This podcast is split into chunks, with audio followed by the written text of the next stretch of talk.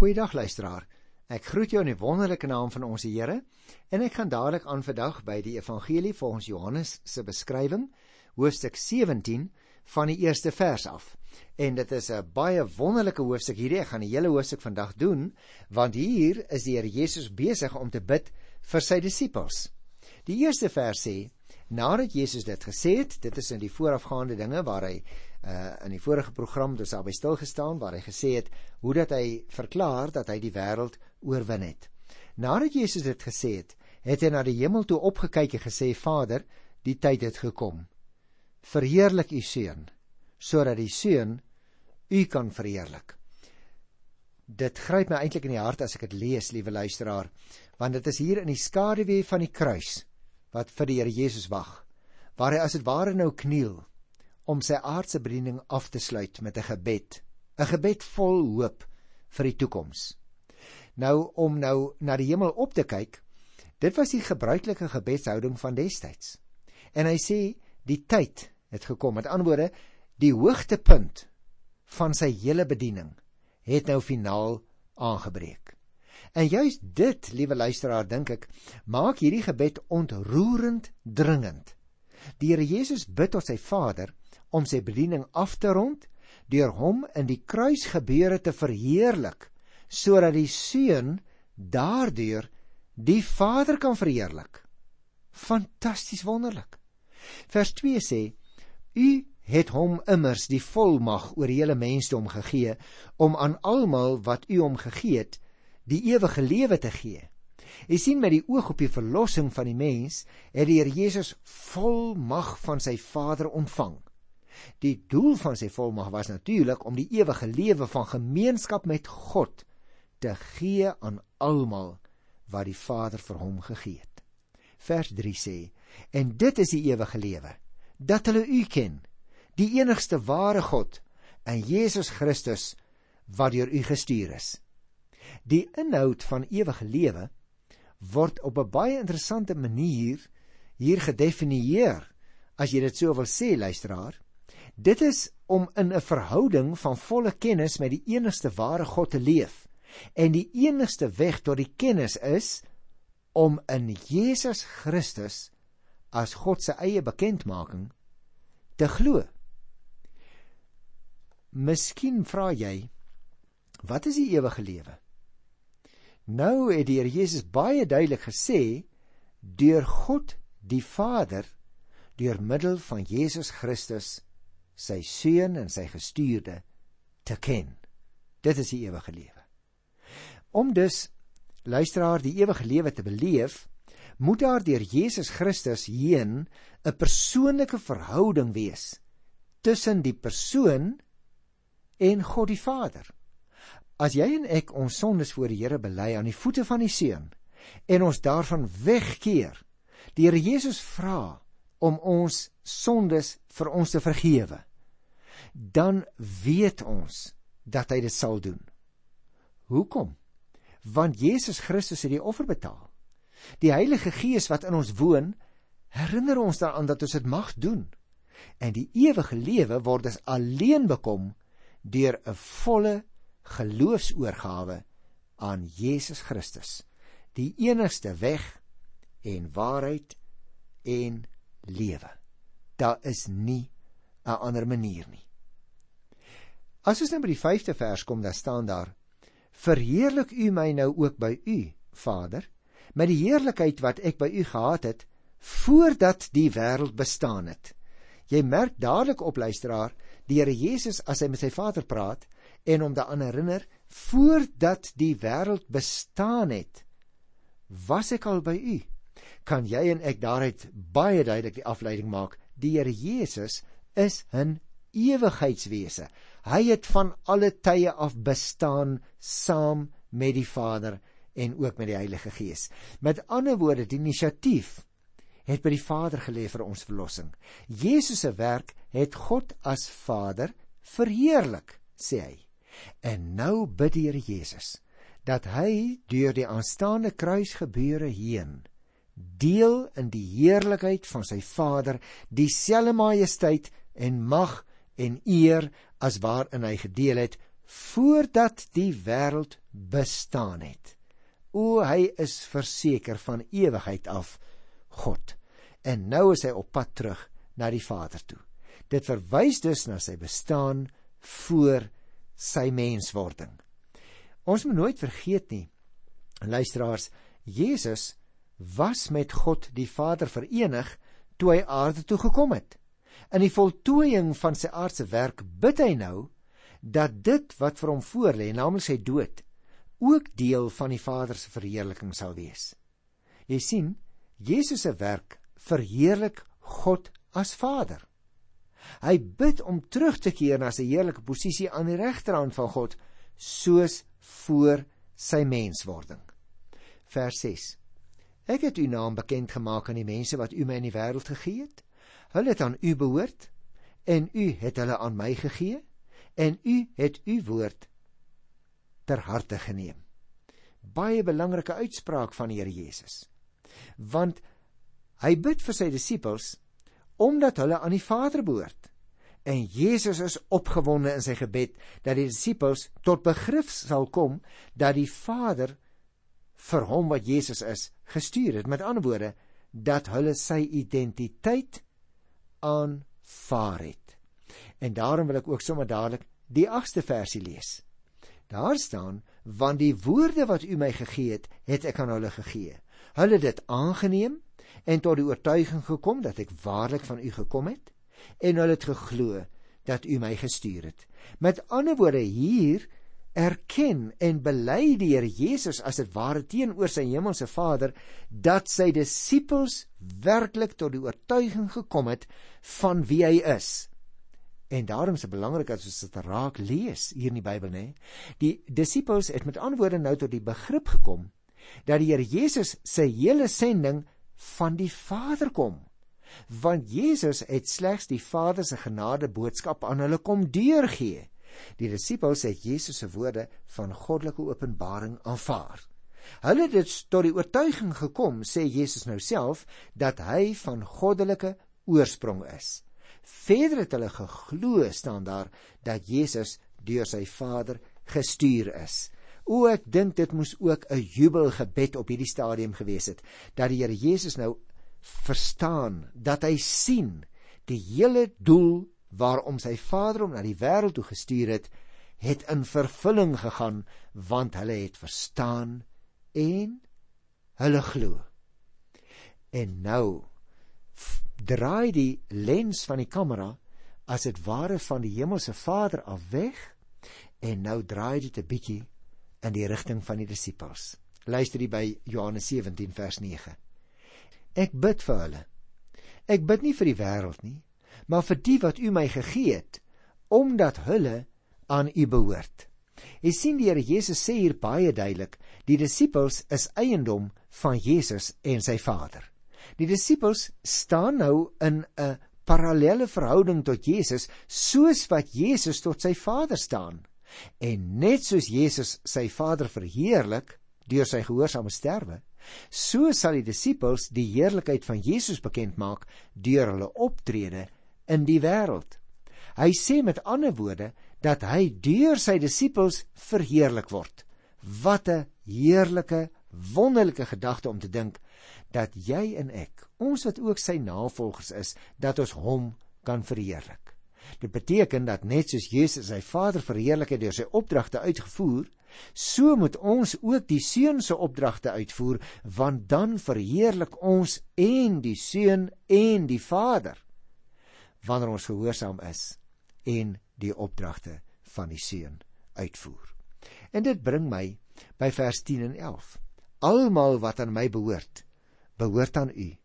En wie aan u behoort, behoort aan my. En ek word deur u verheerlik. Ek bly nie langer in die wêreld nie, maar hulle bly nog in die wêreld. Ek kom na u toe. Heilige Vader, bewaar hulle in u naam, die naam wat u my gegee het, sodat hulle net soos ons een kan wees.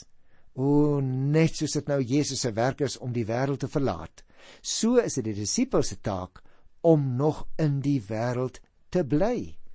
Jesus bid tot God en let op hoe spreek hy sy Vader aan as heilige Vader om in sy sorg en liefde die disippels te bewaar sodat hulle een kan bly net soos die Vader en die Seun dit is.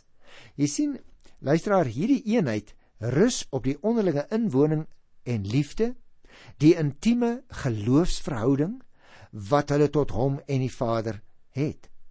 Die klem val nie so seer op uiterlike eenheid nie, maar op die eenheid van gees en wil en liefde.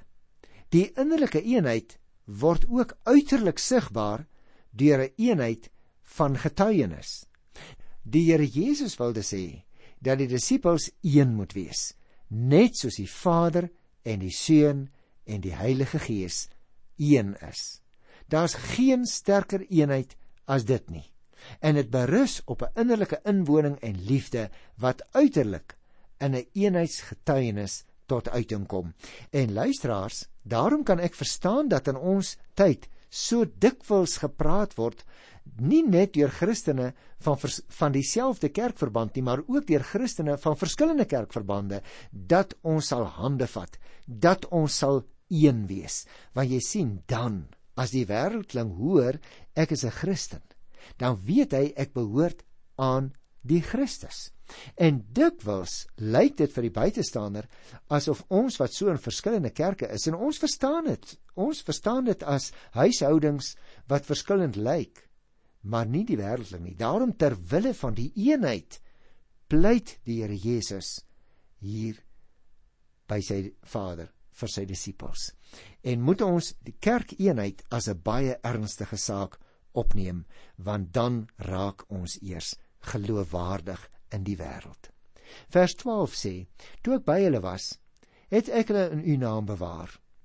Die naam wat u my gegee het, ek het hulle beskerm en nie een van hulle het verlore gegaan nie behalwe die een wat verlore moet gaan sodat die verskrif vervul kan word. Jy sien, gedurende Jesus se bediening het hy sy disippels bewaar, sê hy, op grond van die openbaring van die Vader deur hom. Die wil van God moes egter ook voltrek word in Judas se geval volgens die skrif. Nou ons het daaroor gepraat, ek gaan dit nou nie nou weer doen nie.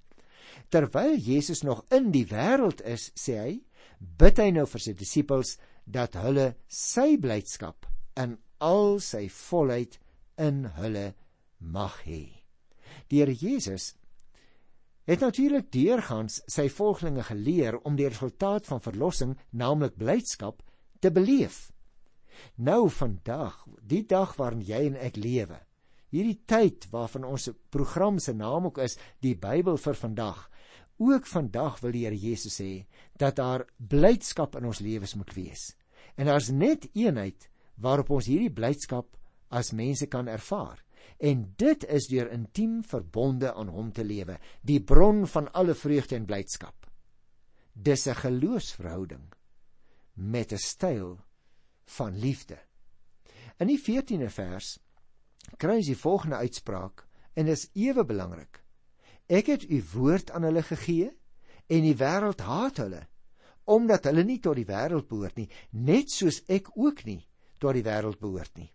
Luisteraar, Die boodskap wat die Here Jesus aan sy disippels deurgegee het, is natuurlik die goddelike woord. Die aanvaarding van die woord van God het die disippels skerper afgesonder van die sondige wêreld wat haat, so staan dit hier, wat nie sy eie is nie. Die disippels is in wese en aard net soos die Here Jesus nie deel van die sondige wêreld nie. En dit moet jy en ek voortdurend onthou. Ons het afskeid geneem van die sondige wêreld, broer en suster. Die ongelowige wêreld haat die Christene baie keer omdat hulle nie op die golflengte van die Gees is nie. Die sondige wêreld leef in die duisternis terwyl die gelowiges in hom die lig lewe. Die Christen is 'n lewende beskuldiging teenoor die ongelowige wêreld, want die wêreldling leef nie in ooreenstemming met die woord en die eise van die Here se woord nie. Die sondige wêreld lewe volgens die voorskrifte van die duisternis en is Jesus en sy volgelinge se daaglikse vyand. Daarom moet ons bly getuig, liewe broer en suster, want deur ons getuienis werk die Heilige Gees ook. En dit is alleen die Heilige Gees wat 'n wêreldling van sonde kan oortuig hoor. Luister na vers 15. Ek bid nie dat u hulle uit die wêreld wegneem nie, maar dat u hulle van die bose moet bewaar. Dis wonderlik wat hier staan. Die Here Jesus bid nie dat sy Vader die disippels uit die wêreld moet wegneem nie, maar dat hy ons elke dag teen die Satan en sy magte moet bewaar en beskerm. Want jy sien, liewe luisteraar, Satan en sonde bedreig die taak wat ons in die wêreld moet volvoer as die getuies van die Here. Vers 16 sê hulle behoort nie tot die wêreld nie, net soos ek ook nie tot die wêreld behoort nie. Die Here Jesus herhaal nou hier dat die disippels net soos hy self nie deel is van die sondige wêreld nie. En ons moet dit voortdurend onthou. Ons kan nie maar sê o ek is net maar so gemaak laat staan nie. O nee, die Here het my kom verlos deur sy seun se verdienste en sy gees herinner my dat ek 'n nuwe mens is, né? 2 Korinte 5 vers 17. Kom ons lees vers 17. Hier by Johannes, die 17de hoofstuk. Laat hulle aan u toegewy wees deur die waarheid. U woord is die waarheid. Luisteraars, het jy al ooit daarop gelet hoe dikwels die Here Jesus die gesag van die skrif herhaalde kere beklemtoon en onderstreep en hy doen dit ook hier in Johannes 17 by die 17de vers.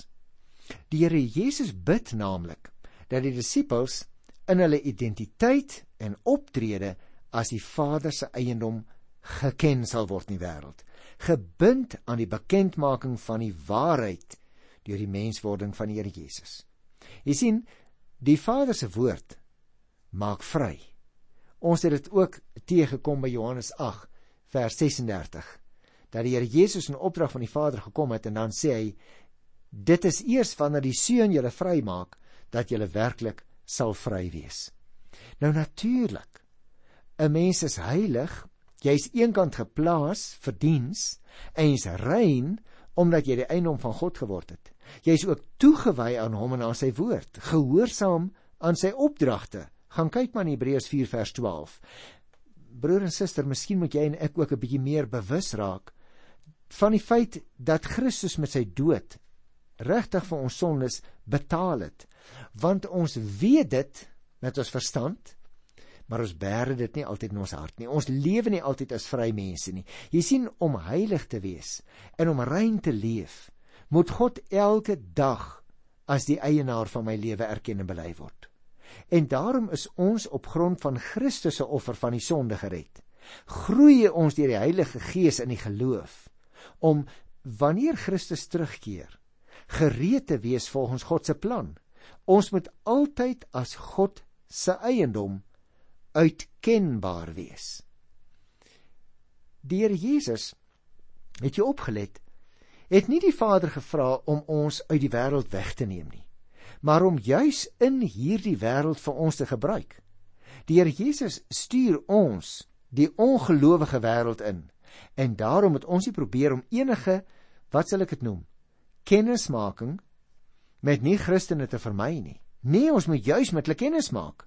Ons is immers juis daartoe geroep om die sout en die lig vir die wêreld te wees. Ons het dit gedoen in Matteus 5 vers 13 tot 16, onthou jy nog? En daarom moet ons ook die werk doen waartoe die Here Jesus ons uitgestuur het om te doen. In ons samelewing is so 'n baie groot verskeidenheid van mense, ongelowige mense, wat juis hierdie behoefte het, broer en suster, dat ons as Christus gelowiges sal lewe as sy volgelinge. Want hulle sit ons onder die vergrootglas, jy weet dit mos, hulle kyk na ons en daarom moet ons optree as gevolmagtige stuurde volgelinge van die Here Jesus. Maar hy voeg iets by in vers 19. En ter wille van hulle wy ek my aan u toe sodat hulle ook deur die waarheid aan u toegewy kan wees. Jy merk dadelik op.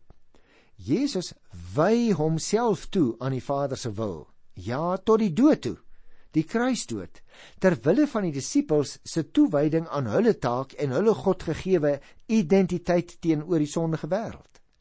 En vers 20 voeg by: Ek bid egter nie net vir hulle nie, maar ook vir die, luister nou mooi, wat deur hulle woorde tot geloof in my sal kom. En dit is baie baie belangrik, liewe luisteraar. Die Here Jesus kyk weier na die resultate van die disippels se woordverkondiging.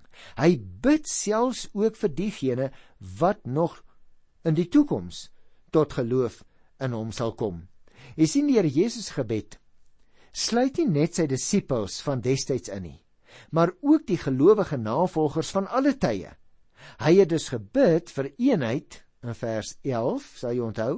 Hy het gebid vir beskerming teen die bose aanslag in vers 15 en vir reinheid en toewyding in vers 17.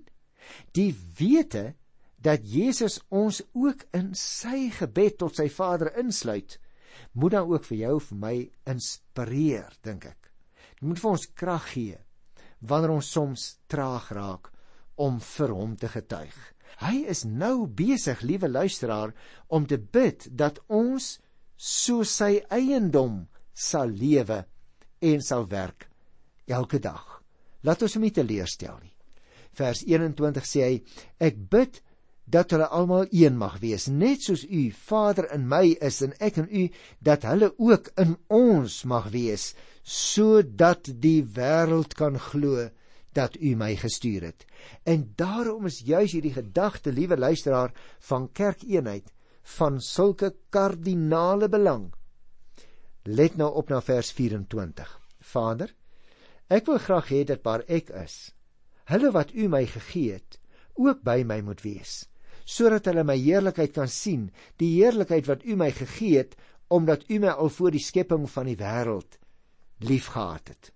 Jy sien, dit is die Here Jesus se opregte begeerte dat die disippels en die gelowiges by hom moet bly, dat hulle moet sien hoe hy verhoog gaan word juis met sy opstanding en hoe hy gaan deel in die heerlikheid wat vir hom bestem is. En daarom vers 25 regverdige Vader, die wêreld ken U nie, maar ek ken U en hulle hier weet dat U my gestuur het. U sien, dit is asof die persoon, dis nou die Here Jesus, die persoon wie se saak reg by God is, die enigste is wat die Vader werklik kan aanspreek as regverdige Vader. Die Here Jesus skets dan nou in 'n paar woorde die onderskeid tussen die sondige wêreld en homself ten opsigte van die Vader. Jy sien, die ongelowige wêreld leef nie in gemeenskap met kennis van God nie. Die Here Jesus daarenteen ken die Vader volkome omdat hulle een is. En sluit die hoofstuk dan af by vers 26. Ek het u naam aan hulle bekend gemaak. En ek sal dit verder bekend maak sodat die liefde wat u aan my bewys het in hulle kan wees en ek ook in hulle.